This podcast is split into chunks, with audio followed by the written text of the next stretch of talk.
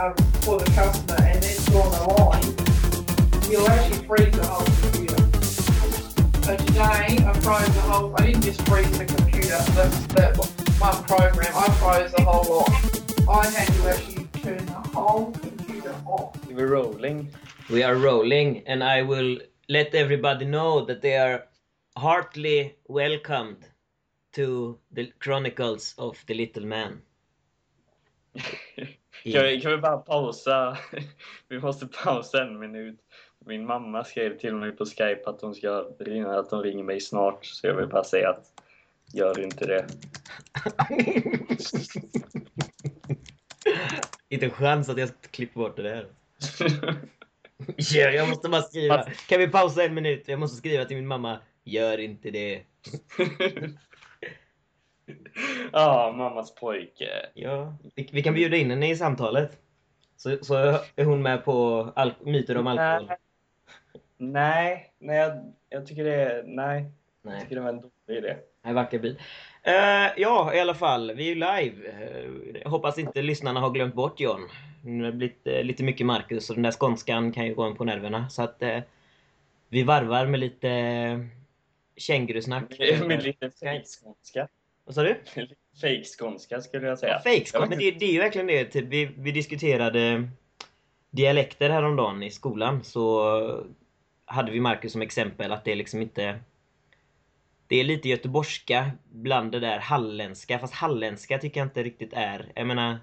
Det, är, det för mig är typ Per Gessle liksom. Men det är så Jag, pratar jag tänkte säga, vad är halländska? Det är Gessle. Ja, typ. Eller det är så jag ser det i alla fall. Men jag tycker Marcus där, han har någon sån riktig...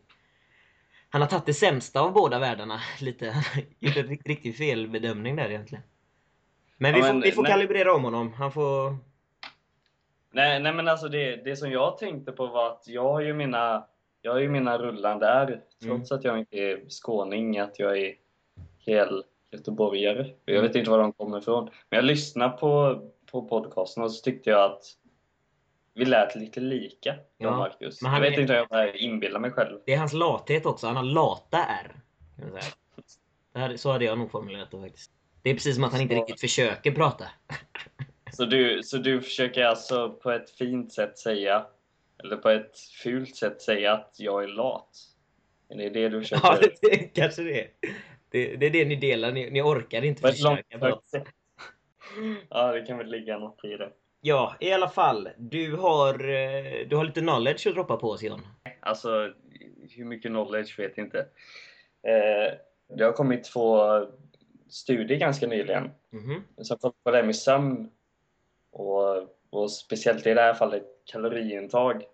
Och det är i mina ögon och ganska många ögon, eh, många andra personers ögon, ganska förbisedd del i det här, vare sig om man viktnedgång eller allmänt välmående eller tränande personer. I de här studierna i alla fall, de är ganska lika, så hade man då två grupper. Det var så att säga experimentella studier, alltså de, de var i så att säga en miljö som, eh, som kunde övervakas hela tiden. Mm. Och så satte man, det var en så kallad crossover. Så man hade 16 deltagare i en utav dem och som man fick eh, hälften satte man på att de fick sova 9 timmar på ett dygn. Och andra hälften fick sova 5 timmar på ett dygn. Och så sen så bytte man. Och, och sen hade de fri tillgång till mat också. Och så höll man koll på dem hela tiden. Och det man märkte var att de som sov fem timmar om dygnet, de åt, nu kommer jag inte ihåg genomsnittet, men de åt i alla fall spontant mer mat än de som sov nio timmar. Mhm. Och samma sak, och sen så bytte man ju då grupperna för att se och det, det liksom höll i sig Och då skiftade det liksom? Så att, Ja. Okej. Exakt. Och den andra studien var ju ungefär samma upplägg. Och, och ja, där upptäckte man samma sak. Och det väl kanske ingen jättenyhet där om man vetat i form av, eh, eller man har anat det i alla fall, Mhm. i form av så här undersöknings... Folk har fått fylla i blanketter och eh, vad heter det på svenska? Epidemiologiska studier. Epistemologiska. Alltså, observationsstudier, man har bara observerat liksom. Man har fått fylla i blankett, svara på frågor Mm. och så har man sett ett orsak och samband. Eller man har, man har anat ett.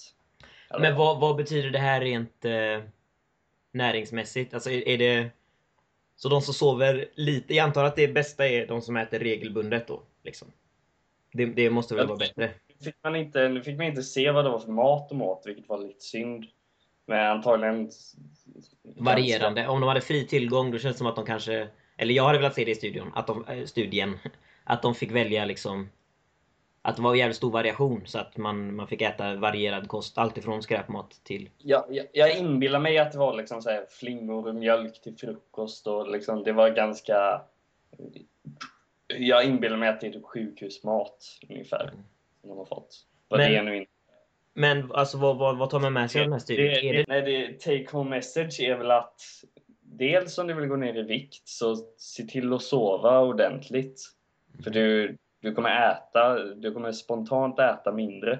Alltså det, sömnen påverkar ju hormonerna och hormonerna, det finns massor av hormoner som påverkar hungern. Eh, Ja, och det där pratar väl eh, David Spray väldigt mycket om. Alltså Bulletproof. Exakt. Just att eh, det här snacket om kalorier hit och dit och sånt där. Att, att, att folk sällan tar såna mindre grejer som hormoner och sånt. Hur, hur stor roll det spelar in för både matsmältning och... Ja, det, det är ganska förbisett. Jag, är, jag står lite mitt på staketet här mellan dem, för det är klart att kalorier spelar roll, men samtidigt är det en grov förenklad bild av hela ekvationen. Alltså det är inte så enkelt som att man, tror jag i alla fall, att man bränner på någonting i en ugn och ser man hur mycket hetta det är av sig. Mm. Det är, för det är ju så man mäter kalorier. Mhm. Hur mycket energi det är av sig när man bränner det i en ugn, enkelt. Och kroppen är väl lite mer liksom, komplex än, än så. Ja. Men och detta är ett ämne helt för sig, men poängen är i alla fall att det är... Ja, Det är bra att sova ordentligt för Det- att, det ä- för att ha regelbundet eh, näringsintag. regelbundet näringsintag, ja, men ja, det också. Men eh, framförallt se till att sova ordentligt. Och så det är då inte bara för de som vill gå ner i vikt, utan även då hormonbalans i övrigt. Och som sagt, folk som, folk som tränar mycket, vare sig det är konditionsidrott eller om det är styrketräning eller någon sorts blandning, så vilan och återhämtningen är det ju ändå då man, man återhämtar sig, man bygger muskler eller vad det nu är. Mm. Så att det, jag tycker det är en ganska förbisedd eh, del i, i, liksom, i synen på hälsa. Och jag vet ju själv när jag, nu när jag studerar så sover man kanske inte allt så mycket som man borde. Jag försöker göra det nu i alla fall. Jag försöker se till att komma i säng i alla fall mellan 10 och 11. Om möjligt. Nu håller inte jag den tiden själv alla gånger. Men, eh, men att man tänker på det i alla fall. Mm. Nej, sömn, i, ve- I veckorna, måndag till fredag, får jag ändå ganska bra med sömn. Men det är ju det är ju just helgerna det kanske blir såna en fem timmar. Fem timmars nätter. Ja, det, det är även sett att det är bättre för hormonbalansen också. Att om du kan sova, om du kan ha ett fast sömnschema så att du alltid går och lägger dig i säng klockan 10 och går upp klockan 7. Mm. Bara som ett exempel. Så är det bättre att du gör det än att du sover sig eh, sex timmar per natt under, liksom, under vanliga veckan och sen så sover du hur länge du vill på helgen. För det är ju den vanligaste mallen tror jag. Ja, det är just, ja exakt. För det har ju många som, som, som jobbar liksom, eh, de har eh, heltidsarbete och de behöver gå upp klockan sex varje måndag till fredag. Men ändå så envisas de om att sticka ut 9-10 på kvällarna och få liksom 5-6 timmars sömn max. Och sen tror de att de tar igen det på helgerna när man sover 12 timmar kanske. Precis. Så det är även om man liksom i slutet sett på veckan, om person A och B har fått lika mycket sömn i slutet på veckan fast person A har sovit 8 timmar varje kväll medan person B har sovit 5-6 och sen resterande på helgen Mm. så är person A fortfarande bättre, kommer upp on top. Ja, det känns som så att, att, att, kroppen hamnar mer i trim ifall den får liksom vänja sig vid någon form av rutin liksom. Äta regelbundet och ha rutin på schemat liksom. Det, så är det nog definitivt. Mm. Medan ja. eh, innan vi går vidare till din andra studie där, när vi ändå är inne på sömn. Vi har ju den här checka boken eh, som jag har stulit från Systembolaget. Ja. Fakta, tips och myter om alkohol och hälsa. Det är lite lägligt nu när du och ja, jag hoppar också på nu när vi ska ha en, en vit månad. Ja, precis. Vi ska ha en vit månad för vi... Vi, vi ska ha en, eh, ja vad ska vi kalla det? Maraton, eh, alkoholmaratonpodd. Eller vad ska vi kalla det? Det, ja, ja, ja, jag hade inte kunnat... Ja, det är en bra, en bra beskrivning. Mm.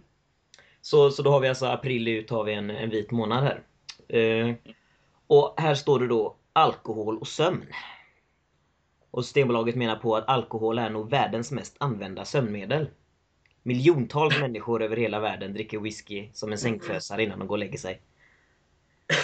Det märks ju att de, alltså de försöker ju liksom informera om alkohol men de, de, de är ändå måna om att sälja alkohol. För det, jag tycker ändå det är ganska lindriga... Ja, det, det känns som det. Det känns väldigt osystembolagiskt. Ja, Den men- meningen. För att man försöker liksom promota alkohol på det sättet. Ja, det är ju ganska solklart fall av eh, grupptryck liksom. Miljontals människor gör det. Var- Varför skulle inte du göra det? Nej, men sen, sen är det, de reserverar sig ju lite här sen i och för sig. Men eh, de, de pratar om att forskarna vet inte riktigt vad, det, vad alkohol betyder för sömnen. Men man vet ju att alkohol det underlättar insomnandet. För man, Mm. man slappnar ju av och blir avslappnad. Men eh, de menar också på att eh, det försämrar kvaliteten av sömnen. Eh, man somnar jag lätt, men sömnen blir inte så djup. Man sover liksom oroligt typ. Jag tänkte komma till det. Det är just det som är problemet att man... Sen, sen är det skillnad på ett glas vin och så en hel kväll ute. Men... eh, Ja, jag skulle definitivt av egen erfarenhet vet jag i alla fall att det är så. Alltså jag kan ju vara ute, man kan ju ut en kväll och sover man typ 12 timmar på det. Men ändå är man skittrött. Ja, Mm. och det blir man i och för sig om man sover för länge också. Men jag vet, det- man är vaken några timmar och sen så är man helt död nästa natten efter det så man minst lika länge bara för att man har, ja, man har fått så värdelös sömnkvalitet. Står det att man kan... Eh, man snarkar lätt också om man eh, går och lägger sig full. Och eh, man kan få eh, sån här sömnapné och andningstillstånden kan förlängas. Och personer som snarkar har högre risk för hjärtattack och slaganfall. Stämmer det? Oj då. Högre risk. Alltså, kan det vara så att... Det här känns ju också som en sån observations... Att man... Att det är liksom... Det är inte... Det är inte snarkandet som orsakar hjärtattacken. Utan de som snarkar är oftast kanske överviktiga eller i ur form och sånt. Exakt. Så att säga att snark orsakar hjärtattack, det... Men det gör de väl inte... Det gör de väl inte heller, kanske. Ja. Men, sen, men sen så går de tillbaka från den här eh, sensmoralen och så hoppar de tillbaka till eh, inledande stycket lite med, med att sälja alkohol. Så har du svårt för att somna är det bäst att avstå från alkohol. I alla fall när det närmar sig sängdags. Så att du kan dricka alkohol. så, så ta det en morgonsup. ja, exakt! Det. Ta det så långt ifrån eh, sömnen som möjligt. Är. Det är lite, nej, det är som sagt, det känns väldigt, eh, väldigt o, olikt Systembolaget och liksom promota alkohol på det sättet. Mm. De vill inte ens sätta in kylar på systemet bara för att Det är så jävla löjligt alltså. Det finns inget mer förargelseväckande alltså när man går på stan. Åh oh, vad nice, ska man köpa typ en... Något man vill ha kallt liksom, en Corona eller något sånt där typ. Så springer man in på systemet och så... Ja. Nej. Kul att sätta sig i en park med en fesljummen jävla bärs liksom. Som, Bet, alltså, som Bettner säger i någon, någon av hans shower, när har en ljummen Sofiero någonsin stoppat en A-lagare Ja. från- att svepa en? ja. Det är alltså, Det underlättar ju till och med. En iskall öl är ju svårare att halsa än en fesljummen. Är den det? Är den verkligen det? Och, skoj, det är ju äldsta tricket i boken. Om du sitter i en bar och säger ah, vi kör ölhävartävling. Jag, jag köper, eh, men den som förlorar får betala hela kvällen. Och så går du till baren och så säger du att du tar, eh, ja, tar fyra flaskor öl typ. Så tar du tre stycken iskalla Och så tar, ber du att få en som är rumstempererad, som inte har varit i kylen. Den, den halsade ju... Du har ju ordentligt handikapp jämfört med en iskall öl. Ja, det är i och för sig, det tar ju emot lite. Men kolsyran gör väl också sitt? Ja, det, det, det är också en faktor. Men just det här isandet, liksom. Ja, jo det är klart. Tänk dig en cola direkt från kylen, sån som är riktigt jävla kall. Ja, jo. Nej, det går fan knappt. Nej. Alltså. Så det är ju Elsa ticket i boken, så egentligen så är det ju motsägande mot deras argument. att Hade de bara haft frysta öl, då hade det varit bättre. Så det, du kan inte dricka det, du måste smälta den du först. Då hade alla gått och köpt vodka istället. Som inte kan frysa, bara gå och sippa på vodka. Ja. Det finns många, de kan experimentera lite med temperaturerna på olika, bara för att få. Ja, det hade varit lite spännande faktiskt. Mm. Ja. Den andra studien du hade där, hade du något? Nej, nej, det var ingen studie. Det var bara eh, lite, lite intressant fakta.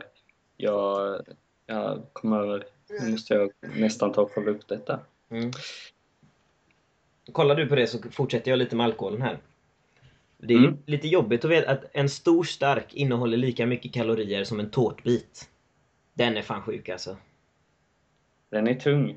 Men du, du får tänka på att om, om vi ska gå in på Då, kalorier sänk, nu. då sänker man ju liksom två tårtor per vecka alltså. Det är ju fan inte...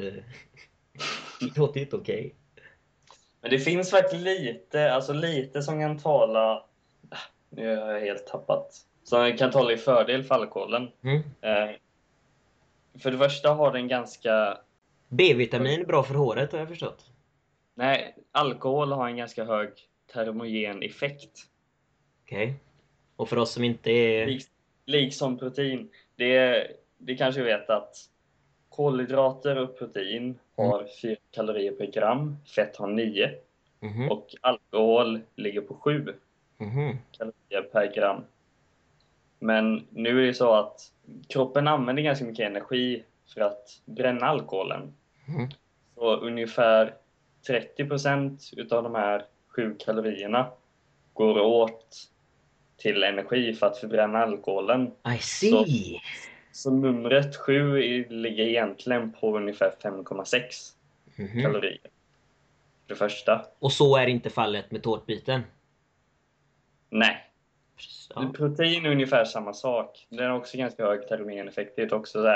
Och det varierar lite på varifrån proteinet kommer, men man säger runt 20 till 30 procent. Mm. Eh, till skillnad från eh, kolhydrater då, som tårta mest består av socker och fett, som ligger på kanske så här 5-10, en ganska försumbar summa. Mm. Så det talar väl lite för alkoholen. Eh, sen så när man tittar på eh, befolkningar, liksom helhet, eller än en gång då undersökningsstudier. Och nu visar detta inte, det bevisar egentligen ingenting, men man ser att folk som dricker alkohol regelbundet eh, har ett lägre BMI än folk som inte gör det. Fast det där med BMI, Det är, det är en väldigt dålig, oh ja, det är en fruktansvärt för alltså när jag var i mitt livs form. Mm, Jag, jag är ju ganska kort på höjden så att säga. ja. Men eh, när jag var i mitt livs form alltså, så hade jag ju ändå massa, fast inte, jag var ju inte överviktig någonstans liksom. Men mitt BMI låg ju alltså på överviktsskalan om man säger.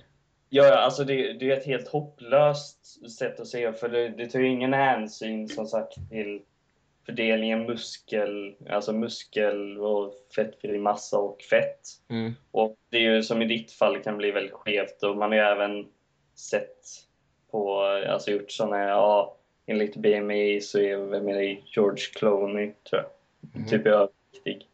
Och Och kan det, kan det inte vara vice versa också? Om någon är jättelång och tjock eller liksom har mycket fett liksom, så kan den ligga på ett stabilt BMI. Ja, det är, om man är smalfet liksom, Ja. så kan man fortfarande ligga på ett bra BMI. Mm. Fast, fast man egentligen, ja, Så det, det är mer någonting man ska höfta liksom, lite åt det hållet. Ja, det är det man ska efter, men när man ska se på liksom en, en, en stor skala människor så är det liksom ändå ett okej mått. Men för att Det återgå till det sa. det är väldigt dåligt. Det är, det är ganska dåligt sätt, ja absolut. Och se, liksom, se till individer. Men det man kan se i alla fall är att folk är Folk som dricker Folk mycket alkohol. Ta, ta, ta Inte det. mycket alkohol, men folk som dricker regelbundet. Och nu betyder ju inte detta, jag tror fortfarande att om du ska gå ner i vikt, om du vill leva ett hälsos- hälsosamt liv, så ska du nog dra ner på alkoholdrickandet. Ja. Jag har märkt, bara dessa tre, tre vita veckor nu har ju gjort sjukt mycket alltså. Ja, alltså jag säger inte att, att, du ska, att du ska häva stora stark bara för detta. Jag sänker Eh. mitt BMI, det är det enda jag- alltså det, du kommer ju såklart lägga på dig. Jag menar ölmage har trots ändå, det ligger liksom lite bakom det. Bara det att det är inte, som jag har sagt 50-11 gånger, det är inte svart eller vitt. Mm. Alltihopa. Och sen finns det bättre kanske än, alltså det är bättre att dricka rödvin än en starköl av olika anledningar. Men det är också, det är ett annat, annat ämne i sig.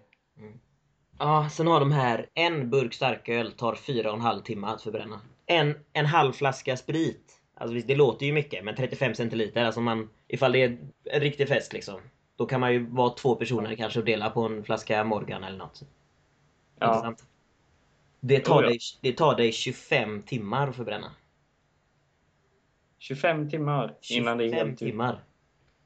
Jag har tänkt typ 12 har jag kanske tänkt. Nej men man vet ju att det kan vara kvar alkohol i kroppen dagen efter. Men inte Men det måste- 25 timmar, det är fucking... Äh, det, det låter jävligt mycket gör det. Men det måste väl skilja, alltså skiljer inte det från person till person också? Det måste vara något medel. Ja, cirka står det ju förvisso, men... Men sen Jag står det menar- också här att eh, även när alkoholen är förbränd så, så har du inte full kontroll liksom. Att förmågan att köra bil ne- sätts ner med 20% även när promillen är laglig så att säga. Igen. Men menar man alltså att efter 25 timmar, även då ska... Ja, ja precis, precis. När, när, när du har förbränt alkoholen så har du fortfarande 20% nedsatt eh, förmåga att eh, exempelvis köra bil. Det är ju tänkvärt, för det är ju ganska många gånger man har kört bil dagen efter, dagen efter man har druckit. Ja, och nu är det här officiellt så vi behöver inte dra upp minnen från midsommar exempelvis. Fan. ja, den fina. Den Ung fina. och dum har man varit. Oh, ja. 2009 måste det ha varit. Åh fy fan. Det var inte många timmar sömn där alltså. Nej, oh nej. Men Det var en fin helg. Mm. Men ja, det kanske vi ska släppa. Mm. Har du kollat upp den här faktan du skulle snacka om? På ett forskningscenter i Lund, Anti-Diabetic Food Center, så har man försökt forska fram olika... Eh, dels har man forskat på och försökt ta fram olika food, matgrupper som kan vara bra för diabetiker. Och, och bland annat då så, så försöker man ta fram ett bröd för diabetiker. Som liksom ska, eller man försöker bevisa att bröd är bra för att äta för diabetiker. Vilket i mina öron är lite ironiskt. Det är lite som att försöka forska fram att cigaretter är bra för någon med lungcancer. Det går inte helt eh, liksom att jämföra sådär, men det är fortfarande det är lite långsökt. Och det, det komiska i det hela, det är att en av sponsorerna för, för den här forskningsgruppen då, det är Pågen. Om man säger sp- sponsorer, betyder, har de finansierat det? Eller har de sponsrat med bröd? Eller vad är det de...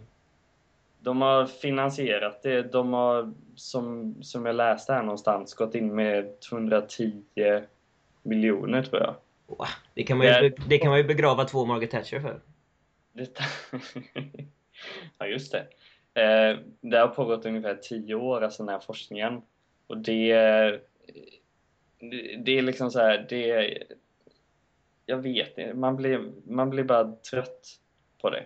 Förutom li- liknelsen med att bota lungcancer med cigaretter, hur... Vad har bröd för koppling till diabetes? Liksom? För, förklara för oss liksom hur... Nej, det, det är ju väldigt... Diabetiker vet ju de flesta, de har ju problem med blodsockret. Ja. Det, de, man kan inte, de kan inte producera insulin själva. Och så finns det då typ 1 och typ 2 diabetiker.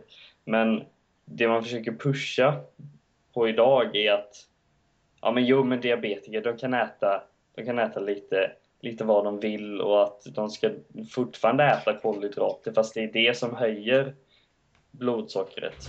Men som jag ser det så skulle det bästa för en diabetiker vara att äta en lågkolhydratkost eller i alla fall en reducerad kolhydratkost, om man Mm. nu kan säga det. Mm. Men istället vill man liksom pracka på dem att kolhydraterna ska ligga på ungefär 50 av energiintaget. Och det är ganska... 50%. Det är ju... Det är vad man rekommenderar till medelsvensson, vilket är... Nej, det måste vara mer. Tallriksmodellen är väl mindre än 50% liksom, kolhydrater.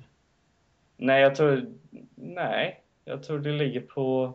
Jo, 50 ungefär. 40, kanske 50.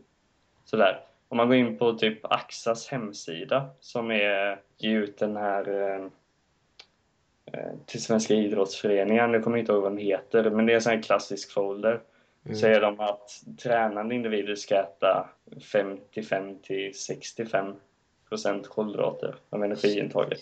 Nej men så vill man ju även peka på att ja, men, ja, men fullkornsbröd är så nyttigt för det för det, det har ju inte blodsocker lika mycket. Och då går vi tillbaka till den här cigarettjämförelsen igen. Att jämföra, att säga fullkorn är nyttigt bara för att det är bättre än vitt bröd. Ungefär som man säger att cigaretter filter är bättre än cigaretter utan filter. Eller att Ja. säga att det är nyttigt med cigaretter med filter för att, de, för att det är bättre än de utan filter.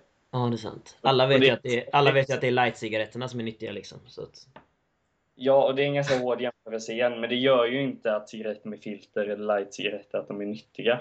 nej. För att de är bättre än icke-filter. De dödar dig lite långsammare bara. Ja. Längst bak här i eh, alkoholboken har vi lite myter. Tänkte jag kan eh, pröva dem på dig. ja. Jag, håller, jag, håller, jag håller inte med om alla svar nämligen, så att vi, vi får nog diskutera lite runt det. Mm. Man får lättare huvudvärk av mörk alkohol än av ljus. Mm, Ja, det kan jag väl inte säga. Jag skulle säga att man får lättare huvudvärk av att blanda alkoholsorter. I, i min personliga Mm. erfarenhet. Den, har, man- den har man ju också hört, liksom, att man, man inte ska blanda. Men där vill jag säga, mina, mina bästa... Inte fyller får jag inte säga då. Det är inte... Men alltså när jag, när jag sällskapsdricker så brukar jag göra så här, plocka som en gottepåse liksom. Att jag kanske börjar med en cider eller drink av något slag. Bara en. Och sen har jag eh, kanske tre goda öl eller något sånt där. Som jag ökar i storlek också. Och sen, och sen Ja. efter det avslutar jag med en, en, en god flaska rött vin. Tycker det är nice sen på kvällen. Senast. Funkar det? Alltså, Ja, det, det, det har faktiskt varit för då, då är det inte liksom På något sätt så känner jag För om jag bara dricker öl då blir det lätt att man köper mycket öl och sitter bara och häller i sig för att alla Ja det är ingen skillnad på flaskorna så att man bara liksom Knäcker en ny Dricker, knäcker en ny dricker. Då blir det ofta mycket Kvantitet liksom Medan gör jag på detta sättet så blir det mer Som det ska vara, är mer att det blir Man dricker, ja det är gott och så ah, nu har jag den här nya ölen och så blir det att man sitter och munnar på den och tycker den är god och sen på kvällen så avslutar man med att dela en flaska vin med ett sällskap liksom. Det slår mig ju faktiskt nu, nu när du säger detta, Mm. att det kan, det kan ju vara så enkelt att de gångerna när man blandar mycket, det är de gångerna som man har druckit stora mängder för att det börjar liksom med öl och så sen tar Ja. det och sen Ja, jag, jag tror att det kan vara så, för då är det, det det exemplet som jag tog i början då att om man, ja men jag ska dricka öl ikväll så köper du kanske åtta eller tio öl liksom. Och då blir det att du, de, så börjar du dricka kanske tidigare och som sagt i och med att det bara är en monoton smak hela tiden så bara häller du i dig. Och när du dagen efter då säger att ah, men fan jag blandade igår det är därför jag är så bakis. För när dina tio öl är slut så är det någon som bjuder dig på vin och sen i slutet så finns det en halv flaska vodka kvar och då börjar du shotta liksom. Så då kanske det är mer att eh, de gångerna du har blandat det är då vad du planerade att dricka har tagit slut och sen har du bara fyllt på med vad som fanns. typ. Det, li- det ligger säkert ganska mycket i det. Samtidigt, det känns ju, jag känner ju instinktivt att om jag bara ska dricka en, en flaska vodka av hög kvalitet Mm. Och liksom dricker samma mängd alkohol av den som om jag dricker då, låt säga en öl, en flaska rött vin, en shot Jäger och vad vet jag, en romdrink. Så Mm. känns det ju som jag får en bättre bakfylla på vodkan än den här Ja. bland Så, så eh, har du motiverat det i, eh, i boken här i alla fall att rött vin, konjak, whisky och mörka alkoholdrycker innehåller mycket annat än bara alkohol och vatten. Och det är biprodukterna som kan bidra till att baksmällan blir värre än när man dricker vodka eller vitt vin. Mm. Så det köper jag ju. Alltså det, att det är ja, färgämnen eller kanske kryddor eller saker som, som man inte vet beroende på vad man blandade med. Vad, vad de gör med varandra. Det är ju lite renare så att säga, liksom ljust. Ja, så det köper jag. ja, det, Sen, sen, eh, sen tror jag ju både att det är individuellt och har att göra med liksom vad du åt under kvällen eller hur, vilken ja, frekvens du drack. Yes. Vad har vi mer? Den här var väldigt tråkig. Eh, det är alla konstiga regler som har gjort att svenskar inte kan hantera spriten.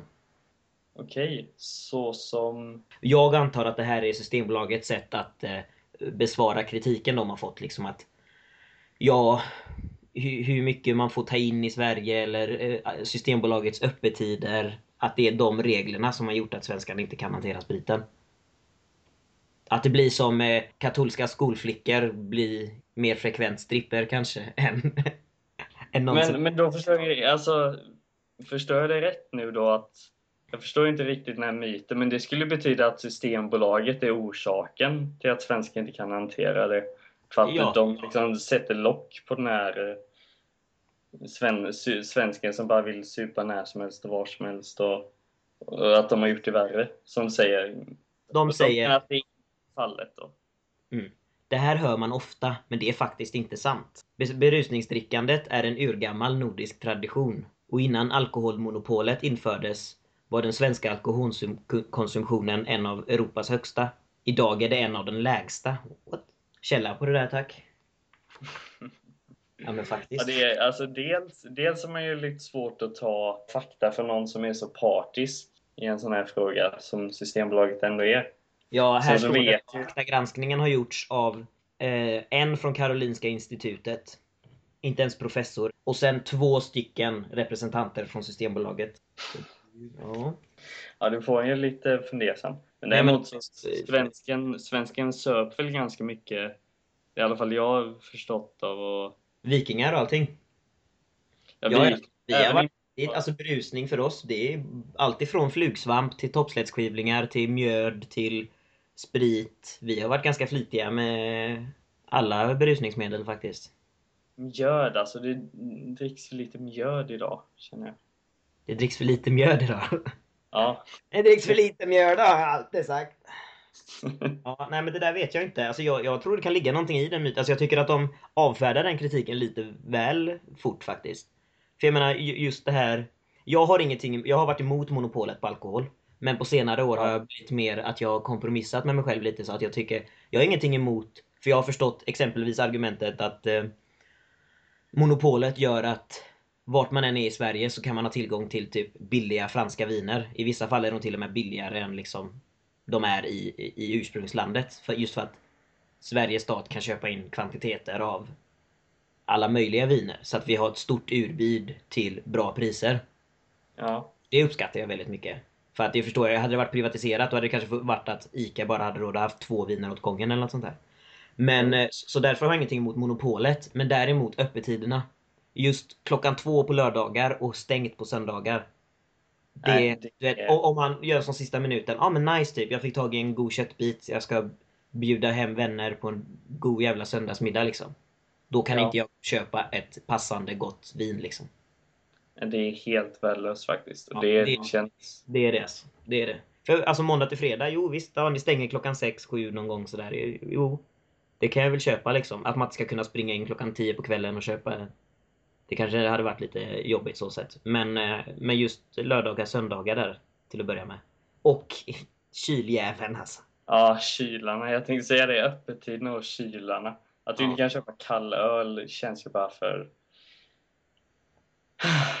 Jag vet inte. Jag, jag, typ, blir, för- blir bara ledsen. Om man skulle använda samma mentalitet de har med det för att motverka fetma typ. Ja, vi säljer bara smält glass så du måste gå hem och lägga den i frysen först. För du får inte äta den med en gång för då kommer folk bli för tjocka liksom. Ja, ja, men, ja men faktiskt. Det, det ligger någonting i det. Mm. Nästa myt.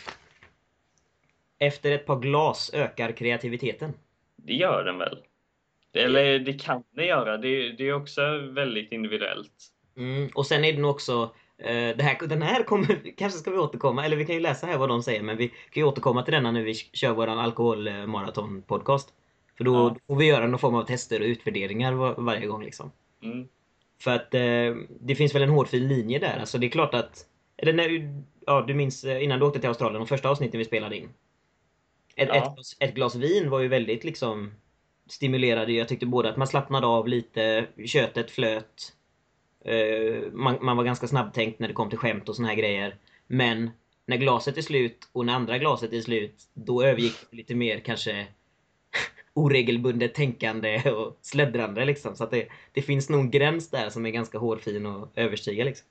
Det finns definitivt. Det, det här tänkte jag eh, ta upp nu bara när du nämnde alkohol. När vi pratar om alkoholkonsumtion i övrigt och hur mycket man kan dricka. Och det gäller inte bara alkohol, det går att applicera på ganska mycket. Att det mesta, om det så gäller alkohol eller vitamin C, så det mesta kan man se som en så kallad en bell-shaped curve. Att Mhm. man tänker sig att som en, ja, som en gammaldags klocka, alltså en, en kyrkklocka Mm. på en tabell så, så att det går liksom, det går uppåt och det går uppåt och sen så når det sin peak så att säga någonstans i mitten. Och sen går det likadant ner. Mm.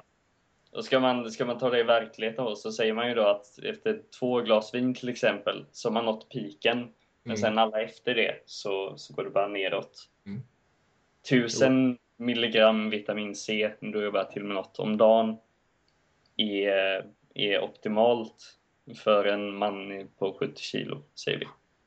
Och allting som är mindre är mindre optimalt och allting som är mer är mindre optimalt. Så det Men finns... är, är, det, är det mer optima, eller mindre optimalt och du tar mer eller blir det bara att du kissar ut resten? Eller blir det kontraproduktivt? Det, det beror ju på, det beror ju lite på vilken substans det är.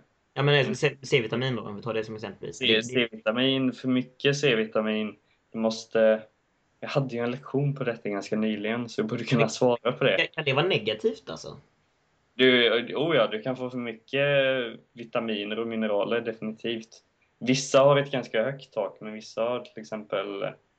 Inte alls... Det finns... ehm, Faktiskt min, eh, min före detta svärmor. eh, Hon hade en kusin eller något sånt där hon berättade som hade förätit sig på apelsiner och blev tvungen att magpumpas. För han hade tryckt i sig för mycket apelsiner. Han hade käkat ja, en, en sjuk jävla kvantitet av apelsiner. Det måste vara ganska... Men du kan ju... Du kan ju det finns- ju folk som har dött av att dricka för mycket vatten. Mm. Men, men ett annat exempel vet jag är eh, A-vitamin till exempel. Mm. Som ganska många får i sig ganska lite av vitamin, men en matgrupp som har ganska mycket av vitamin är lever. Vilket vi kanske inte, mm, inte i eh, västländska kulturen äter så mycket av idag. Men man har, man har sett på så här polarexpeditioner och folk som åkt till Antarktis eller Nordpolen eller så. Eh, de har dött av överkonsumtion av lever för att de har jagat isbjörnar och de har haft lite mat så de har fått äta sina egna hundar och så. Och då har de fått i sig för mycket vitamin A genom att de har ätit för mycket lever under för lång tid. Så har de dött av det. Oh, jävlar vad sjukt. Mm. Dödsorsak, vitamin A-förgiftning. Liksom- Ja, exakt. Så, så du kan definitivt... Dö av vitaminförgiftning, fy fan alltså. Ja. Jag ska inte äta en frukt till. Men då har vi ju tillbaka till den här belly shaped curve. Du får ju, om du inte får i dig noron, får du inte i noron vitamin C alls, så får du skörbjugg. Mm. Och något motsvarande för vitamin A, att vissa får, du får någon sorts utslag på huden, du tappar tänderna, sådär. Mm. Så, och det får du det får du som att, att verka ganska, ganska lätt att över och underdosera. Men vi är ganska välanpassade för detta och vi kan lagra ganska mycket vitaminer. Och det, Man, och man måste, man måste ligga i... ja, du måste ligga i ganska mycket. Det är ganska högt och lågt i tak liksom. Ja. Det är en ganska stor span på vad du kan äta. Om man ska dö av vitaminförgiftning då, då får man verkligen försöka. Du måste verkligen försöka. Mm. Lever är något sagt ganska... Så det, det är inget Jag ska- effektivt sätt vi rekommenderar att ta livet av sig liksom. det är nog ganska plågsamt tror jag. Nej, sånt ska man inte skämta om. Gillar man lever och vill man ta sitt liv så, så visst, Go for it. go for it. Det hade jag fall, alla jag valt. Ska vi avsluta med en, eh, en, eh, en myt till här? Med ett annat självmordstips. Ja, ja, faktiskt. Eller lite en självmordsmyt kanske vi kallar det. Myten är då man blir fullare om man blandar huvudvärkspiller i ölen. Jag har aldrig hört den här Mm. myten. Nej, jag tänkte säga det. Jag har aldrig hört den heller. Det låter som en, låter som en ganska äcklig drink. Ja, Spontant. och enligt Systembolagets eh, bok här säger de att ungdomar har blandat huvudvärkstabletter i ölen i decennier. Det, det är en av de här nordiska traditionerna de pratar om kanske. jag kan ju säga, alltså jag vet ju ingen i min vänskapskrets. Nu har vi ju ungefär, vi har ju samma vänskapskrets till stor Mm. del. Men Men jag, har aldrig hört detta. Alltså. Jo, Nej, visst, man, men- man har ju hört om folk som typ trycker i sig liksom GHB, rykten om GHB-tvål på eh, Göteborgskalaset liksom. Men, Ja. eh, men piller i huvudvärks, huvudvärkspiller i ölen. Nej, det, jag har aldrig hört om det. Det som jag börjar tänka på när jag tänker värktablett alkohol, det är ju än en gång då mm, självmordsförsök. Att man Mm. trycker en hel karta piller och så halsar man en flaska Men vin. inte huvudvärkstablett då kanske. Liksom. Då, då kanske man väljer något lite mer med krut i så att säga. Ja, precis. Jag Nej, här står det i alla fall. Den här myten är både osann och väldigt farlig. Man blir inte fullare. Eh, eftersom värktabletter inte påverkar nervsystemet. Däremot kan man bli förgiftad. Så hänvisar de till sidan 40-42. Måste vi se vad det står på sidan 40-42. Ja, det känns som det blir en ganska dålig fylla också. Eller nu vet ju inte jag, men det känns ju... Kan, kan, kan det hjälpa bakfyllan då? Där. Om man... ja, det skulle väl vara det då. Ja, jag menar när du vaknar och har tryckt i dig ett halvt lock öl men också typ två kartor huvudvärkstabletter så känns det som att de Ja. tar ut varandra lite. Testa det ungar, för guds skull. Vem vet? Ja. Alkohol kan förstärka biverkningar även för receptfria värktabletter. Måttlig mängd alkohol och en vanlig receptfri värktablett innebär sällan någon hälsorikt. Men om man dricker mycket eller tar fler tabletter kan kombinationen bli farlig.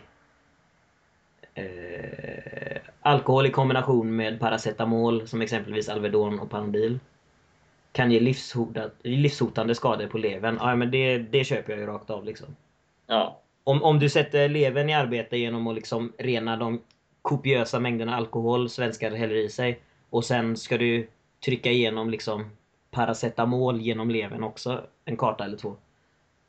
Det som, Det känns ju inte som en hit. nej. Wow. Men då, då måste man ju fråga sig, är det... Inre blödningar och skit. Ja, det är det det kommer tillbaka till. det. Vad, vad, är det man, vad är det man är ute efter? Är det en skön fylla så känns det inte som, som ett bra sätt. Ett bra tillvägagångssätt. Och det är väl det, jag antar i alla fall att det är det de, som de flesta... Nej. Faktiskt sånt där, att gå på massa såna här myter och typ alltså såna här hörsägen om vad som funkar. Det finns massa välbeprövad knark istället. Bättre... Oh ja. Ja. Oh ja. Jävla... Eller så dricker man bara ordentligt istället. Ja, svenskar till ära. Vad fan. Vi kan väl, eh, jag tycker faktiskt vi, vi kör den här eh, alkoholets beteende. Ja, finns det mer? Ja, Ja, kör på. d- ja, den är helt fantastisk den här boken faktiskt. Du vill kanske skicka en kopia till, eh, till Australien? Mm. Här, om man dricker mycket. Ja, det här var faktiskt ganska fascinerande. Eh, Hos kvinnor kan halten av manlig könshormon öka vid hög alkoholkonsumtion. Samtidigt som halten av kvinnliga könshormoner sjunker. Kvinnor som dricker mycket under lång tid får ofta ett mer maskulint utseende. Och hos män är det tvärtom. Om du inte har råd med ett könsbyte eller råd med hormonsprutor så, så kan du bara dricka kopiösa mängder alkohol så kommer din inre hen-identitet fram. Jag har faktiskt hört detta med eh, att det ökar estrogenet. Östrogenet är det. Estrogen. Mhm. Östrogenet Ja. hos män. Eh, det känner jag faktiskt till. Däremot visste jag inte att det kunde öka testosteronet hos kvinnor. Det var faktiskt en, en nyhet för mig. Det är jävligt fascinerande egentligen. Alltså, när vi ändå det du sa innan där att folk, att man sällan tar just hormonerna i beaktning. Män och kvinnor har ju samma biologi liksom, eller det är ju samma typ av kropp liksom. Ja, förlåt. Det, jag måste bara tillägga, jag tror faktiskt att det är just öl också som ökar Alltså, eh, östrogenet extra mycket, tråkigt nog. Just för att öl är en manlig dryck, eller vad, vad motiverar det? Nej, så att det, nej tvärtom. Det, det har någonting med eh, om det är malten i ölet Mhm. som, som bidrar. Det, det skapar någon sorts, eller det kroppen tillverkar ett hormon eller om ölen innehåller ett hormon som, som är väldigt snarlikt det liksom efterapar så att säga östrogenet. Väldigt, väldigt vetenskapliga ord där. Efterapar. Nej men så att det, det får liksom motsvarande effekt som, som östrogenet i kroppen. Så, så om, som man så ska du hellre dricka säg vin eller vodka om du är, om du är orolig för östrogenet på alkoholen, Okej. Okej. vad jag har förstått. Och när vi ändå pratade om diabetes förut. Eh, små mängder alkohol kan förebygga diabetes. Ja, Det ser man. det, det känner jag faktiskt inte till. Ja, fast som sagt, det. Nu kommer vi tillbaka till den här bell-shaped kurven, att det är, att det är, det är fråga om mängd. Ja. Och det är det jag inte gillar att de skriver. De skriver liksom så här full eller mäng eh, små mängder. Liksom det, det, det är väldigt luddigt. Vad, vad är att vara full och vad är mindre mängder? Liksom det är, när man pratar om sånt här promille som skiftar ganska lätt upp och ner liksom. Ja, jag, alltså jag kan förstå Systembolaget eller svenska staten, vilka det nu är som att man, vill, att man är ganska försiktig med att ge ut de här råden. Att, låt säga att två glas vin om dagen kan till och med vara hälsosamt för en majoritet. Nu är det väl än en gång individuellt. Men säg att två glas vin för en majoritet är hälsosamt. Om du går ut öppet och liksom säger det så, så tänker folk att ja, men om två glas vin är hälsosamt så måste ju fyra glas vin vara ännu bättre. Ja, det är jävligt sant. Och Men så, två glas vin, det har jag förstått, det, är högst upp på den där eh, klockkurvan liksom. Ja, jag till och med, jag hörde på radio för länge sedan, det var ganska många år sedan, någon som var på någon radiokanal och pratade om detta och han hävdade att det, att det till och med var att gränsen var ännu högre än så, bara det att man satte den på två glas för att folk inte skulle överstiga det för mycket. Mm. Av just den anledningen då att om man, om man sätter för högt så, så dricker folk ännu mer.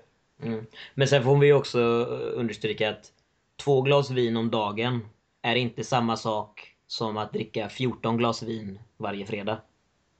Nej, det är det. Utan det, det, det, det, måste vara utspritt liksom. Utan du kan inte spara ett par dagar och sen köra stenhårt på för att Sen- fortfarande ligga på en hälsosam nivå liksom. Det är aldrig bra med... Sen två glas vin om dagen, jag, jag tror att det känns som en, som en början till alkoholism. Ja, Vad vet Ja, jag? fast eh, om, om du klarar av att bara dricka två glas om dagen och aldrig dricker tre liksom. Utan att Ja. bara...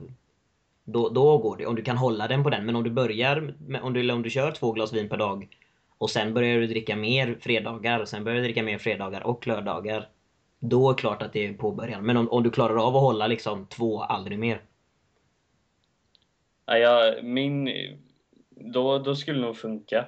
Eh, Jag, jag hellre som en rule of thumb att försök håll det till åtminstone en dag i veckan max. Mm. Skulle jag säga och så kan du dricka lite mer, Mm. lite mer fritt. Så försöker jag göra i alla fall. Ska vi, ska vi avrunda med eh, händelseförloppet från 0,2 till 4,0 promille? Ja, Yes. 0,2 promille. Värmekänsla, avspänning, blir glad och pligg. Din självkritik minskar. Du känner dig väl till mods. Prec- precision och reaktionshastighet börjar försämras. Ja, det förstår man ju. Och 0,2 promille var... Det är väl två glas vin kanske då? Max. Ja. Mm. Sen fortsätter du då. 0,5 promille. Uppdrymdhet. Häms- hämningarna minskar. Ännu sämre reaktionshastighet och precision. Omdöme och förmåga att ta in information försämras. Mm, det förstår man väl. Ja, det köper jag. Här, forskning har visat att det välbefinnande som alkohol ger är som störst innan du överstiger 0,55 promille. Jaha. Mm. Ja, det kan jag i och för sig förstå. Det är där det är...